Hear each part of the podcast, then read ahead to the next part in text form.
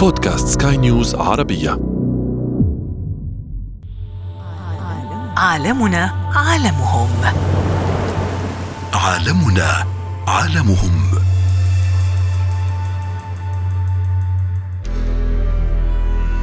كنت في رحلة بحرية في سفينة سياحية للاستمتاع بجمال الطبيعة وسط البحر وابتعدت قليلا عن أجواء الرحلة. وفكرت وتأملت ألوان وأشكال وأحجام الأسماك في البحر. وعندما نسمع صوت الماء والأمواج يأخذك إحساس إلى عالم آخر. هو عالم البحار والمحيطات. لنستمع سويا إلى صوت البحر.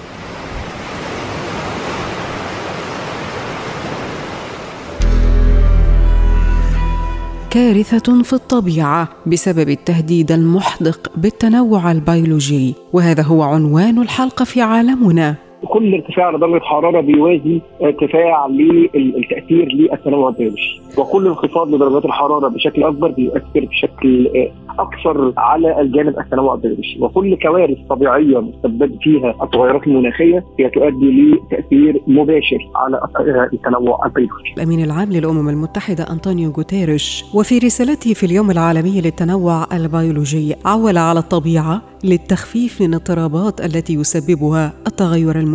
This year's message for the International Day for Biological Diversity is clear. Our solutions are in nature. تكافح الحيوانات والنباتات والطيور من أجل التكيف مع تغيرات المناخ وارتفاع درجات الحرارة ومن لا يصمد تتناقص أعداده وينقرض. تغيرات مناخية وخلل في درجات الحرارة اللي بتحصل بالتالي بدأنا نشوف مدد صيف أطول في بعض المناطق ومدد شتاء أقصر في بعض المناطق. إن نشهد ذوبان للجليد تقلبات في مواعيد الهجرة السنوية لكثير من الحيوانات والكائنات البحرية. أما الأمين التنفيذي لاتفاقية الأمم المتحدة للتنوع البيولوجي إليزابيث مريما أكدت على ضرورة تكاتف الجميع لحماية البيئة والتنوع البيولوجي. But we know biodiversity, just like all other environmental issues, they are cross-cutting issues. The challenges are cross-cutting. ولكن ابقى معي سنذهب إلى عمق الغابة لنقترب من الحياة البرية ستجد حيوانات شرسة حقا إنها في غاية القوة وعلى الرغم من أن التغير المناخي يهدد التنوع البيولوجي إلا أن التنوع البيولوجي يخفض من تأثيرات تغير المناخ وهنا كلمة السر. ربما تدور أفكار في رأسك عن مدى الارتباط بينهما. نستمع إلى الناشط البيئي أحمد فتحي عضو مجلس الشباب العربي للتغير المناخي. يقصد بالتنوع البيولوجي هو تنوع الحياة على كوكب الأرض. اللي بتشمل النباتات واللي بتشمل الحيوانات واللي بتشمل الكائنات الحية اللي موجودة على الأرض. وكمان اللي بتشمل النظم الأيكولوجية أو النظم البيئية اللي موجودة على كوكب الأرض. فده هو التعريف ال- ال- الشبه معقد أو المترابط المتعلق بالتنوع البيولوجي واللي بيشمل بقى التنوع الجيني وكل ما هو ممكن يكون مرئي من العين أو غير مرئي من العين في التنوع الموجود على كوكب الأرض والموجود في عالم النظم الأيكولوجية هي هي هي النظم الحية أو النظم الطبيعية الحية للكائنات اللي موجودة على كوكب الأرض. والنظام الايكولوجي هو النظام البيئي الذي تستطيع فيه الكائنات ممارسه الحياة بتاعتها تابع الحلقة كاملة حتى تتعرف على حلول لهذه التهديدات ويمكنك أيضا متابعة حلقات في عالمنا عالمهم عن الدب القطبي وأخرى عن جنوح الحيتان. ويمكنكم أيضا متابعة برنامج صفر كربون. ستجد كل ما يخص التغير المناخي. عالمنا عالمهم. ومن عالم البحر لعالم البرية هناك خطر يحدق بهما ومن هذه الأخطار فكرت أن أطرح عليكم سؤالا. هل متغيرات البيئة حولنا تهدد حياتهم وتنوعهم البيولوجي؟ طبعا في تأثير كبير جدا جدا للتغير المناخي على التنوع البيولوجي لأن هي عملية ربنا خلق الكون في توازن في توازن في الفصول في توازن في مستوى البحار والمحيطات في توازن في الكتله الجليدية في توازن في درجات الحرارة. فبالتالي اللي حصل من التغيرات المناخية هو خلل. هو خلل في درجات الحرارة اللي بتحصل. فبالتالي بدأنا نشوف مدد صيف أطول في بعض المناطق ومدد شتاء أقصر في بعض المناطق. بدأنا نشهد ذوبان للجليد. بدأنا نشهد تقلبات في مواعيد الهجرة السنوية لكثير من الحيوانات وكثير من الكائنات البحرية. بدأنا نشهد يعني كثير من الحيوانات حياتهم بتهدد بسبب قلة المساحة المخصصة لهم للحياة فبالتالي بسبب الجور بتاع الإنسان على الأراضي الطبيعية. وبنفس الوقت نقدر نقول إن كمان ذوبان الجليد أثر على الكائنات الحية اللي موجودة هناك. ارتفاع درجات الحرارة بيأثر على الحيوانات والكائنات اللي بتعيش في السافانا اللي ده بيؤثر لانتشار حرايق فبالتالي تآكل جزء من الأراضي اللي بيعيشوا فيها. ارتفاع درجات الحرارة بيؤدي لزيادة النسبة اللي موجوده في المحيط من ارتفاع درجات الحرارة جواها فبالتالي ده بيخلي المية غير مناسبة لأنواع من الأسماك فبتضطر إن هي إما تهاجر المكان يا إما التكاثر بتاعها يقل في المنطقة اللي هي عايشة فيها بيؤدي لانبضاج الشعاب المرجانية فبالتالي الكائنات الحية المرتبطة بالشعاب المرجانية هتبقى مهددة هي كذلك بالانقراض. بنشهد كل كل ارتفاع لدرجه حرارة بيوازي ارتفاع للتاثير للتنوع البيولوجي وكل انخفاض لدرجات الحرارة بشكل أكبر بيؤثر بشكل أكثر على الجانب التنوع البيولوجي وكل كوارث طبيعية مسبب فيها التغيرات المناخية هي تؤدي لتأثير مباشر على التنوع البيولوجي. سنأخذكم إلى رحلة في القطب الشمالي حيث البرودة القاسية درجات حرارة ربما تقل عن 30 درجة مئوية تحت الصفر ونقترب أكثر من المخاطر التي يعيشها الدب القطبي. أبرزها قصر فترات الغطاء الجليدي وهذا الغطاء يقلص من فترات بحثه عن طعامه. دعنا نقترب أكثر. طبعا لما نيجي نتكلم على الدب القطبي ونتكلم على هذا الكائن الجميل اللي ربنا خلقه بيقدر يعيش على درجة حرارة معينة وربنا خلق له فرو ثمين جدا عشان يتناسب مع درجات الحرارة القاسية اللي بيعيش فيها. إحنا دلوقتي الجليد في القطبين الشمالي والجنوبي بيشهد لنوع من أنواع الذوبان. فبالتالي قلة المساحة بتاعة الجليد اللي هو بيعيش فيها الدب القطبي. فبالتالي قلة الغذاء اللي بيتغذى عليه الدب القطبي. وبالتالي صراع الحيوانات الدب القطبي اللي عايشة جنب بعضها على مناطق النفوذ بتاعتها. فكل التأثيرات المترتبة على بعضها دي بتؤثر على الدب القطبي اللي تجعله مهدد بالانقراض. لأن بالتالي البيئة اللي بيعيش فيها مش موجودة الحياة اللي بيعيش فيها مش موجودة. فبالتالي الصيد الموارد بتاعة الصيد بتاعته هو بيصطاد من على الجليد. فبقت مية. وما يقدرش يغطس في مسافات طويله تحت المية وما عندوش السرعة الكافية تحت المية. فبالتالي هو بيصطاد الحيوانات البحرية لما بتطلع فوق على الجليد. ارتفاع درجة الحرارة لما بيزيد.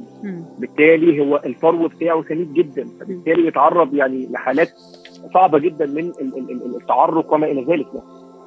ولكن أيضا هناك في البحار هناك مشاكل كثيرة تواجه أنواع كثيرة من الأسماك ولكن ربما نتحدث عن الحوت بشكل خاص. أنواع مختلفة من الحيتان في البحار وفي المحيطات وكثير من أنواع الحيتان معرضة بالفعل لتناقص الأعداد أو بالفعل تناقصت أعدادها بالإضافة أيضا إلى أنواع أخرى كثيرة معرضة للانقراض. ما هي أيضا تأثيرات أو تهديدات التغير المناخي على التنوع البيولوجي للحيتان؟ طبعا دي حاجة مهمة جدا إن الحيتان بتعيش يعني في مناطق معينة وبعد كده بتهاجر يعني أكثر من 3000 ميل بحري علشان تعمل الولادة بتاعتها وبالتالي تبدأ مع الربيع بتاعها لمدة توصل لحوالي سنتين. في مناطق بعيدة عن مناطق النفوذ بتاعت الذكور فبالتالي ارتفاع درجات الحرارة. بيؤثر على المناطق اللي هي بتعيش فيها وبيؤثر على المناطق الباردة اللي هي ممكن تربي فيها الصغار أو المناطق الحارة اللي ممكن تعمل فيها التزاوج. فبالتالي بيحصل نوع من أنواع الخلل. إلى جانب إن هم يعني ربنا خلقهم طبيعه عندهم بوصلة بوصلة مرتبطة بالطقس. فبالتالي حصل خلل في الطقس. فبدانا يعني نبقى في شهور في ديسمبر وبنلبس نص كم. ونبقى في, في, في شهر يعني يعني يعني واحد أو اثنين أقصانا بقينا نشوف الشتاء مر يعني شهرين أو ثلاث شهور بس في السنة. فبالتالي بدأت بدأنا نشهد بدأنا في الصيف نشوف درجات حرارة قاسية جدا جدا. خصوصا لما نيجي نتكلم على منطقة شمال إفريقيا ومنطقة الخليج العربي إحنا من أكثر الدول تاثرا بارتفاع درجات الحرارة. لأنها يعني في الأساس هي دول حارة كمان. بالضبط بالضبط. ترى ما تأثير ارتفاع درجات الحرارة في مناطق المحيط الهادئ ستقلل من عدد مواليد الذكور من السلاحف البحرية وتهدد أواهل تلك السلاحف. هل تعلم أن جنس مواليد السلاحف البحرية توقف على درجة الحرارة؟ دعنا نقترب أكثر من تفاصيل هذا الموضوع. يعني عندنا جوانب مهمة جدا بتأثر على السلاحف البحرية وهي إن السلاحف البحرية بتضع البيض بتاعها في الشهور القمرية في شهر 6 النص الثاني من يونيو و7 و8 لحد النص الأولاني من سبتمبر. والبيض بياخد في الأرض آه، مدة 60 يوم. على ما يفقس ويبدأ يطلع.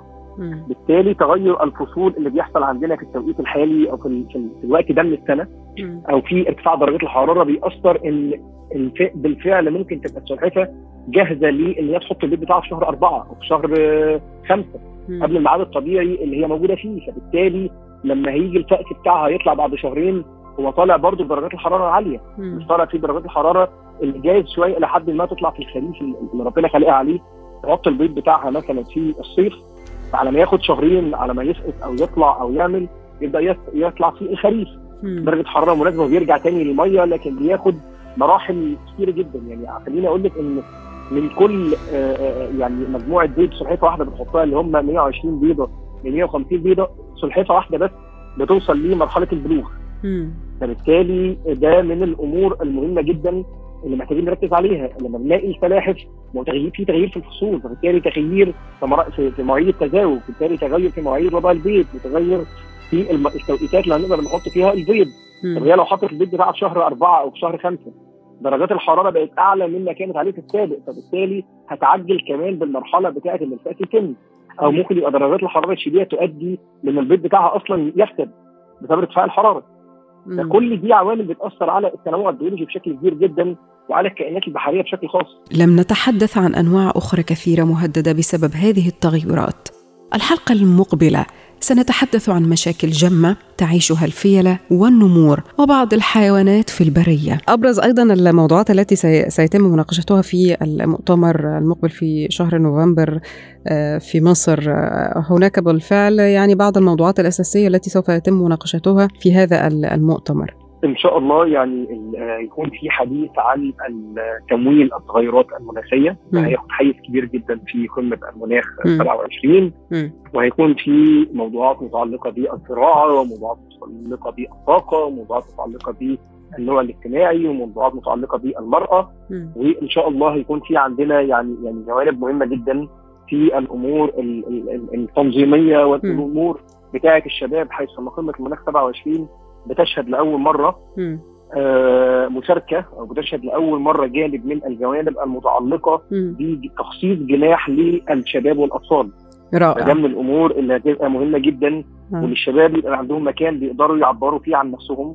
ويقدروا يعبروا فيه عن ال ال ال ال الأمور التنفيذية اللي بيقوموا بيها صحيح فده ده جانب عظيم مم. وجانب مهم وجانب هيعمل تغيير وإن شاء الله قمة المناخ 27 تبقى آه، قمة فارقة في- بحيث إن هي بتعقد في مصر ممثلا على القارة الإفريقية مم. وان شاء الله نشهد أيضا قمة عربية العام القادم في ال- الإمارات العربية المتحدة قمة. مناخ 28 وتكون استكمال للنجاح اللي هيتم في قمة المناخ 27 إن شاء الله. أستاذ أحمد فتحي رئيس مؤسسة شباب بتحب مصر وعضو مجلس الشباب العربي للتغير المناخي نشكرك جزيل الشكر شكرا جدا.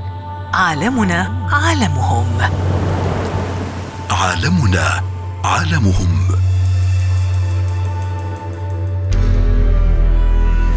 استمعتم إلى عالمنا عالمهم ولموضوع الحلقة بقية. تواصلوا معي عبر بودكاست at skynewsarabia.com ورقم الواتساب 00971 561 88 622 3 وسؤالي لكم كيف يمكن أن تكون ناشطا بيئيا ينشر الوعي بأهمية الاهتمام بكوكبنا؟ كان معكم في الإعداد والتقديم لبنى الخولي وفي الإخراج إيدي طبيب. انتظرونا في عالمنا عالمهم. عالمنا عالمهم. عالمنا عالمهم.